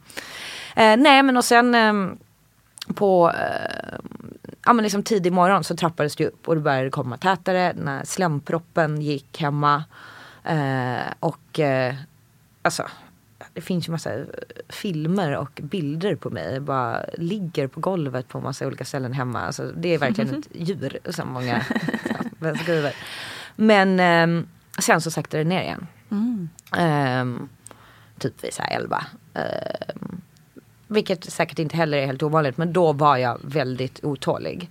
Och jag tror att Gamse också var så här, hon bara, jag vet inte riktigt. Alltså antingen så är du liksom inte öppen alls eller så är du eh, liksom, har du gjort ganska mycket arbete. För mm. jag hade ändå haft ganska intensiva eh, så att vi någonstans där på eftermiddagen så bestämde så åkte vi in och då var det väldigt mycket så här, jag ville bara veta. Jag, jag, jag, kände att jag sa men ska det vara en natt till? Mm. Alltså jag mm. blev, kände oerhörd frustration mm. att så här okej okay, men jag har klarat det här. Alltså än så länge, då hade jag liksom ändå hållit modet upp och jag tyckte att jag hanterade det verkligen bra och andning och hej och hå. Men då är jag bara, men nu liksom en natt till, nej. Mm. Liksom, nu vill jag bara veta. Mm. Är det här, är det liksom fyra dagar kvar Händer eller, är det, mm. eller kommer, kommer han någon gång? Liksom.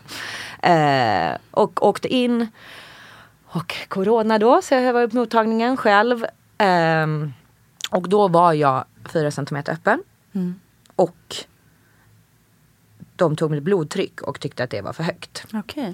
Och det var väl kanske där det egentligen så här, eh, Det var liksom inte akut högt men det var lite högt. Eh, och eh, så att egentligen så här i efterhand.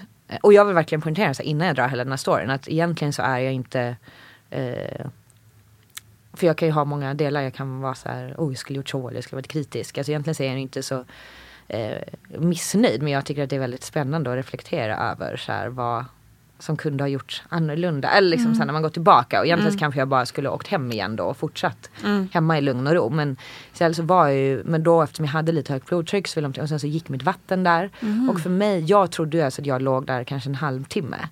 Men när jag kollade på min mobil så var jag, låg jag ju där fyra timmar. Oj, okay. På den här britsen för att det fanns mm. inte plats. Mm. Och det liksom, ja, det, det speedade väl inte upp händelseförloppet mm. kanske liksom för att det blir rätt mycket en otrygghet och stress. Ja, och, och liksom man ligger mm. där själv och mm. liksom, mm. eh, ja, allt det där. Mm. Eh, jag hade ju en ganska, liksom, eh, alltså i mitt förlossningsbrev, förutom att det var ganska mycket fokus på att jag hade berättat om mina tidigare upplevelser och gärna ville att man skulle liksom um, Alltså just för att det, som vi har varit inne på tidigare, det är, jag tror att alla inte riktigt vet hur man ska prata om grejerna. Så mm. vill jag gärna vara öppen med att ni får gärna prata om det här. Liksom. Mm. Ni behöver, jag tycker att det är bara att det är fint om, ni, om jag får känna mig sedd i att liksom, jag har, för, för mig har jag fött barn innan även mm. om det liksom inte är samma sak och sådär. Men sen så hade jag också, jag ville gärna föda i vatten och jag hade liksom de här vännerna. Så att jag äh, fick ju när jag kom in äh, gå till äh, pool eller badkar. Ett stort badkar som var supermysigt. Eh, men alltså det, det gick liksom långsamt helt enkelt. Eh, och liksom saktade ner igen. Eh, och jag kände väldigt mycket att så här, när jag lägger mig och chill, liksom, chillar som man gör i badkaret. Även om man har ont för att man har verkar. Då saktade det ner och blev mindre okej. intensivt. Jag, vill säga, jag måste upp och röra på mig. Det blev liksom, eh, jag bara, jag kan inte ligga här och spa. så hetsig liksom. Men för att jag, eh, så att jag, jag låg ju i bad. Och sen så sa de också ganska snabbt att du kommer inte få föda i vatten på grund av ditt blodtryck.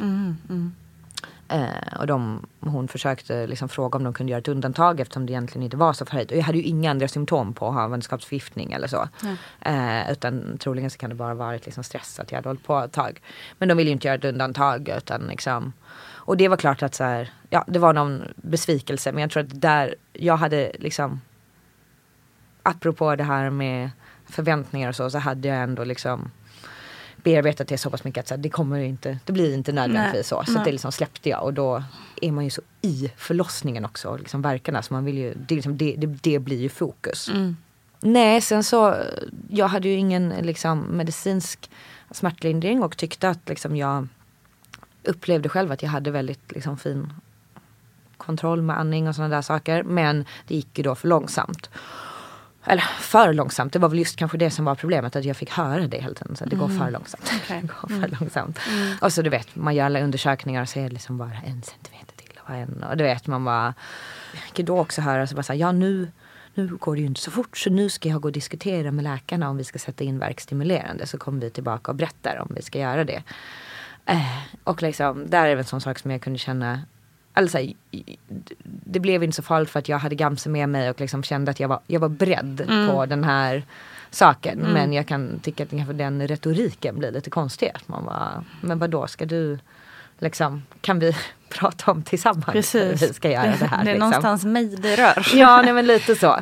Det som hände var ju, eller det blev verkstimulerande helt enkelt. Eh, Men liksom de var, men, eh, så det, men jag diskuterade det här med Gamsa om de sätter en ganska låg dos för att liksom, det är ju ändå så här att det började bli kväll igen och man börjar ju bli trött. Ja. Liksom.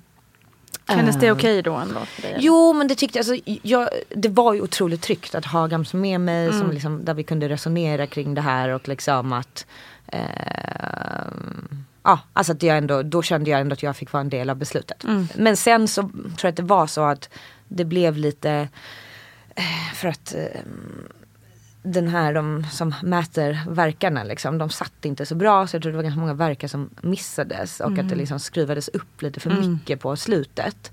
Eh, och jag hade fortfarande ingen epidural eller någonting så att eh, från att liksom gå och känna att så här, man äger processen i den mån man gör det.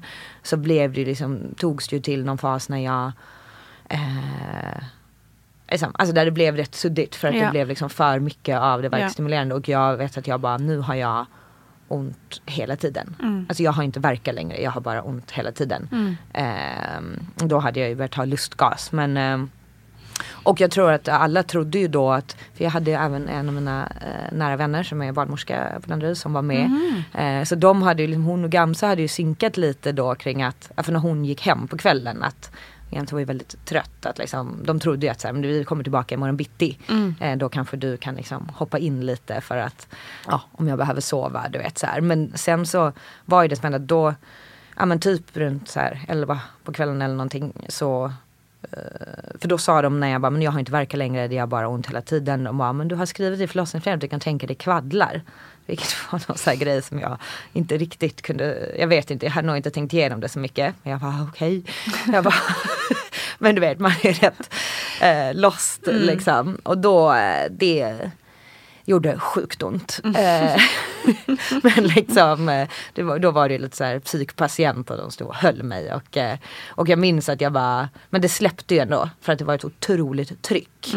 Eh, så satte de först där bak och sen så säger de, kommer jag ihåg, det här som du bara, men ska vi inte sätta där fram också? Och att jag bara, nu skämtar ni? Och de bara, hahaha. Och bara gick och så här, fyllde på och tryckte in dem. Eh, och då hade hon ju också, alltså jag blev också upptryckt. Alltså hon tryckte liksom upp mig från typ 7 till 8. Och från 9 till 10.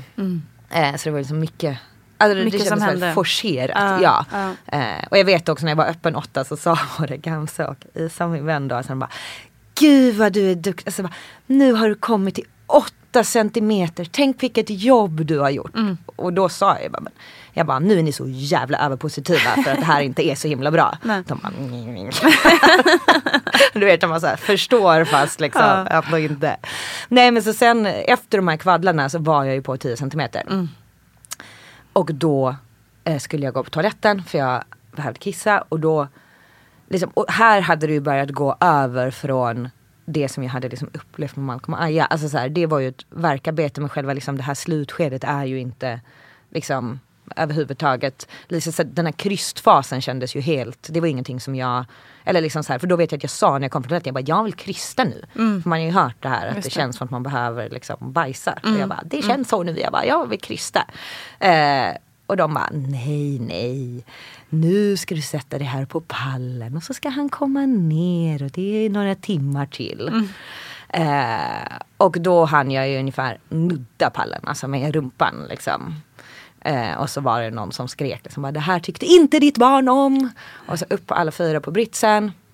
För då hade hans hjärtljud gått ner och han hade liksom från då eh, världens långsammaste skjutit wow. ner sig själv. Så jag Ah, liksom shit. hoppade över den här retireringsfasen. Mm. Eh, som väl annars är ofta det som tar lång tid som förstagångsföderska. Och då, ehm, ja, men då var det så här läkare i rummet och, och då fick jag väldigt mycket så här, eh, nu, nu dör han. Liksom, och började gråta bara. Eh, och då var det så otroligt skönt tyckte jag för att jag liksom, barnmorskorna och läkarna kunde göra sin grej och liksom foka på det här eh, lite mer eh, ja, men, kliniska och att liksom Gamse kunde prata med mig. Eh, och liksom ja, men, prata mitt språk liksom. Eh, och vara framme hos mig. Och, alltså Filip var ju där också men alltså, han visste ju inte vad han skulle säga heller. Och var väl lika säkert. utsatt liksom i det här. Ehm, Ja, nej men, och jag minns ändå, sen så kom det ju en läkare och så kollade hon på den här kurvan och sa typ, jag är inte så jätteorolig för det här. Uh, vet jag att hon sa, liksom, man, alltså, man hör ju det här Ja, i någon så här Betoning på något vis. Mm. någon annan värld liksom. Men eh, ja nej och, och sen så var det ju ganska liksom hot om sugklocka och lite så här nu, då skulle han ut liksom.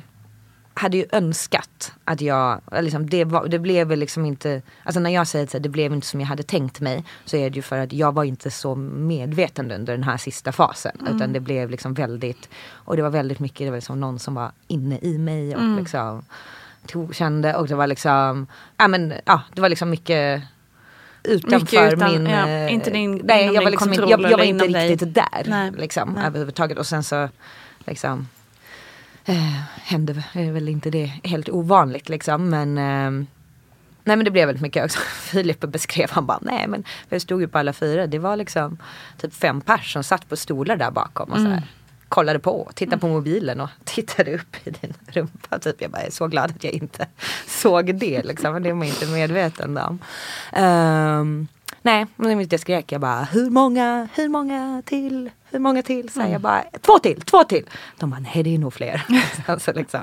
Nej men sen kom han ju ut. eh, och det är ju, alltså så här, det är ju en, eh, en mäktig känsla men jag var inte fullt medveten Nej, om det. nej, Tror jag. nej. Alltså, alltså jag ser ju, eh, har ju, vilket jag är väldigt glad för, liksom så här filmer och bilder. Men det är ju en väldigt så här tom blick. Liksom. Alltså Mm. man bara, det är ju en, eh, ja. Som, eh, Vad som- fan hände? Ja men exakt, vad Mm. fan hände liksom. Eh, och det tycker jag har varit otroligt fint. Alltså när jag har haft liksom, pratat efteråt med eh, vår doula och så här att eh, hon hjälpte mig att liksom dela upp förlossningen i olika bitdelar. Vilket Mm. jag tyckte var väldigt Alltså väldigt bra för mig. Alltså så att, för det finns så många delar som jag är väldigt Mm. nöjd med. Mm. Och så finns det delar som jag inte är så nöjd med. Men att man inte låter det kanske definiera det. hela förloppet. Liksom. Nej men ut eh, kom han Mm. och eh, liksom, ja.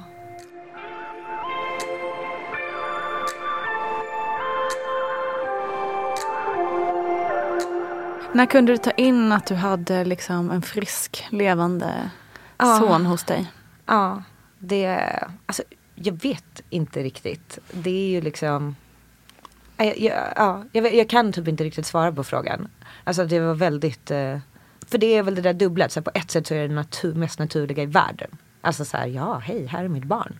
Eh, liksom. Ehm, och allting, jag hade också turen att allting från liksom, att han kom ut fungerade väldigt bra. Liksom. Och han du vet, började amma direkt och alla de här delarna. Ehm, och samtidigt som man ju bara Ja, han lever liksom. Mm. Alltså just det, det är så här Känns ju, eh, ja, kändes ju helt galet och inte Mm. Inte på riktigt. Liksom, det gör ju, alltså det gör ju knappt det fortfarande. Nej, jag skulle precis fråga, hur gammal är han nu? Han är sju månader häromdagen. Och hur, alltså, se tillbaka på allt du varit med om liksom. Och att han är här sju månader. Vad, liksom, ja, vad är din största känsla? Ja, nej men det är väl liksom Alltså jag är väldigt Jag var ganska mm, Alltså hade en ganska stor rädsla inför Alltså innan han liksom kom att jag Alltså det var en sån rädsla som jag inte liksom egentligen kunde sätta ord på eller ta på men jag kände ganska mycket att jag liksom var rädd att jag inte skulle kunna känna mig glad. Mm. Typ. Att jag liksom Jag bara men jag kan ju inte bli glad eller ska jag bara bli glad Mm. nu? Bara för att Eller han liksom- kommer, ska det liksom override Ja, all. Alla, liksom, allt annat? Mm. Och på något sätt så gjorde det ju det. Alltså det tar absolut inte bort eh, det som har hänt. Och det är något som alltid finns med mig och påverkar mig fortfarande på många sätt. Men eh, det konkurrerar liksom inte med honom. Utan det är liksom bara ja men lycka och liksom fascination över att eh, det gick. Och så är det någon form av lugn, alltså så här att inte vara på väg. Alltså för det är också man känner att man har varit Just så här det. på väg konstant. Wow, ja. Eh, och att liksom så här, ja men väldigt eh, sjuk känsla att bara få så här vara eh, vara lugn ett tag. i det. Ja Mm. exakt. Ehm, och ehm, ja. Nej så det är verkligen helt otroligt. Och så på något konstigt sätt att jag, som både jag och Filip har sagt, också en sån där grej som är så svår att ta på. Men att på ett sätt så kändes det också, alltså så vi, var, vi var ju så sjukt förberedda. Alltså det var liksom som att man, eh, och nu har inte jag något att jämföra med liksom men eh, det kändes som att Ja men det var liksom inte alls någon chock och så här, oj eh, kom det ett barn? Nej, utan liksom mer så Mm. här, alltså, så naturligt att, eh, och liksom att så att på det sättet har det liksom Ja, det var, en, var enkel eh, att göra en plats liksom, i vårt liv och bara vara i det. Och så tror jag och alltså så här att vi redan var föräldrar. Alltså på något Ja, sätt. Det är väl liksom, det. och det där är någon, det finns ändå någon så här konstig före och efter.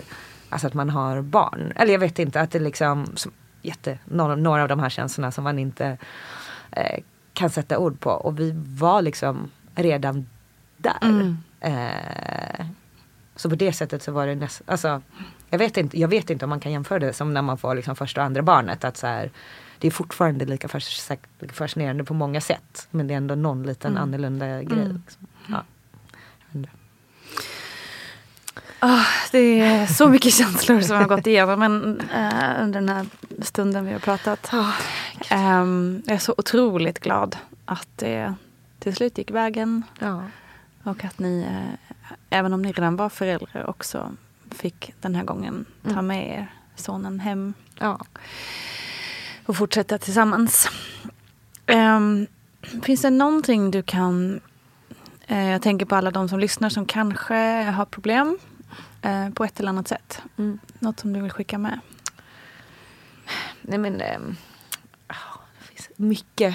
Men ehm, när man är längs resan och jag vill verkligen säga att här, nu, min resa ser ut på ett visst sätt och att jag har förlorat två barn. Men ehm, även om det handlar om att man liksom kämpar i många år och gör eh, IVF eh, eller liksom andra behandlingar eller bara att det liksom inte har varit en naturlig väg dit så är det väldigt rimligt och naturligt att man eh, också har ett eh, liksom speciellt sätt att förhålla sig både till graviditeten och liksom förlossningen. Och jag tror att det är kanske inte alltid så lätt att veta vad man behöver. Och att, Mm. eh, men jag tror att det var nästan för att i den här graviditeten eftersom jag har varit med om så mycket.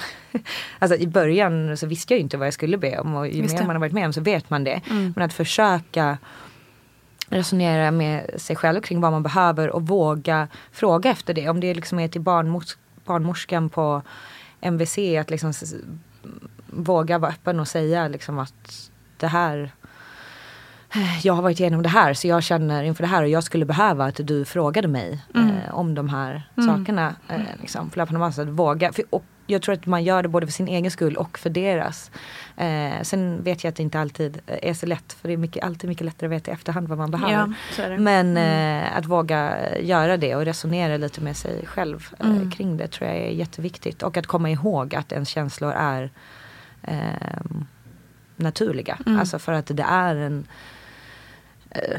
vad man vill kalla det, infertilitet eller eh, barnlöshet eller missfall eller liknande är en form av trauma och det påverkar vårt sätt att förhålla oss till saker. Eh, och det, så är det bara även om vi inte pratar tillräckligt mycket om det och inte finns så stor kunskap. Så att, eh, att, eh, ja, så att man inte känner sig ensam i det helt Mm. enkelt. Utan att det är många som känner så. Verkligen. Och tack för att du delar eh, och gör att känslan blir mindre ensam. Tack för att jag fick komma hit. Tusen, tusen tack Anna Sane för ditt otroliga mod och din ork att prata om det som vi inte alltid vågar och vill prata om. Vi är dock båda väldigt överens om att vi måste tvinga oss att prata om det vi ibland inte ens pallar att tänka på. För tillsammans tar vi oss igenom det värsta ändå. Om ni är nyfikna så hittar ni appen Tilly där man hittar appar och Vattnet går hittar ni ju förutom här i poddvärlden också naturligtvis på Instagram och som mammagrupp på Facebook. Vi ses och hörs snart igen. Stor kram till er.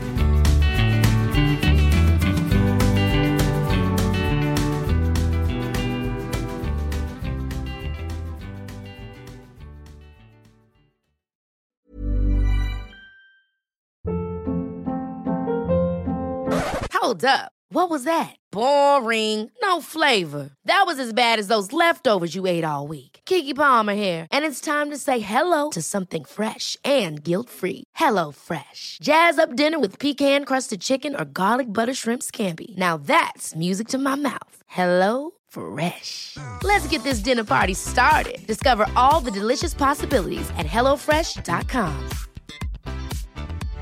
Imagine the softest sheets you've ever felt. Now imagine them getting even softer over time. That's what you'll feel with Bowl and Branch's organic cotton sheets. In a recent customer survey, 96% replied that Bowl and Branch sheets get softer with every wash. Start getting your best night's sleep in these sheets that get softer and softer for years to come. Try their sheets with a 30-night guarantee. Plus, get 15% off your first order at bowlandbranch.com. Code BUTTERY. Exclusions apply. See site for details. Planning for your next trip? Elevate your travel style with Quince. Quince has all the jet setting essentials you'll want for your next getaway, like European linen, premium luggage options, buttery soft Italian leather bags, and so much more. And is all priced at 50 to 80% less than similar brands. Plus, Quince only works with factories that use safe and ethical manufacturing practices. Pack your bags with high-quality essentials you'll be wearing for vacations to come with Quince. Go to quince.com slash pack for free shipping and 365-day returns. Hi, I'm Daniel, founder of Pretty Litter. Did you know cats tend to hide symptoms of sickness and pain? I learned this the hard way after losing my cat, Gingy. So I created Pretty Litter, a health monitoring litter that helps detect early signs of illness by changing colors, saving you money and potentially your cat's life. Pretty Litter is veterinarian developed, and it's the easiest way to keep tabs on your fur baby's health right at home. Go to prettylitter.com and use code ACAST for 20% off your first order and a free cat toy. Terms and conditions apply. See site for details.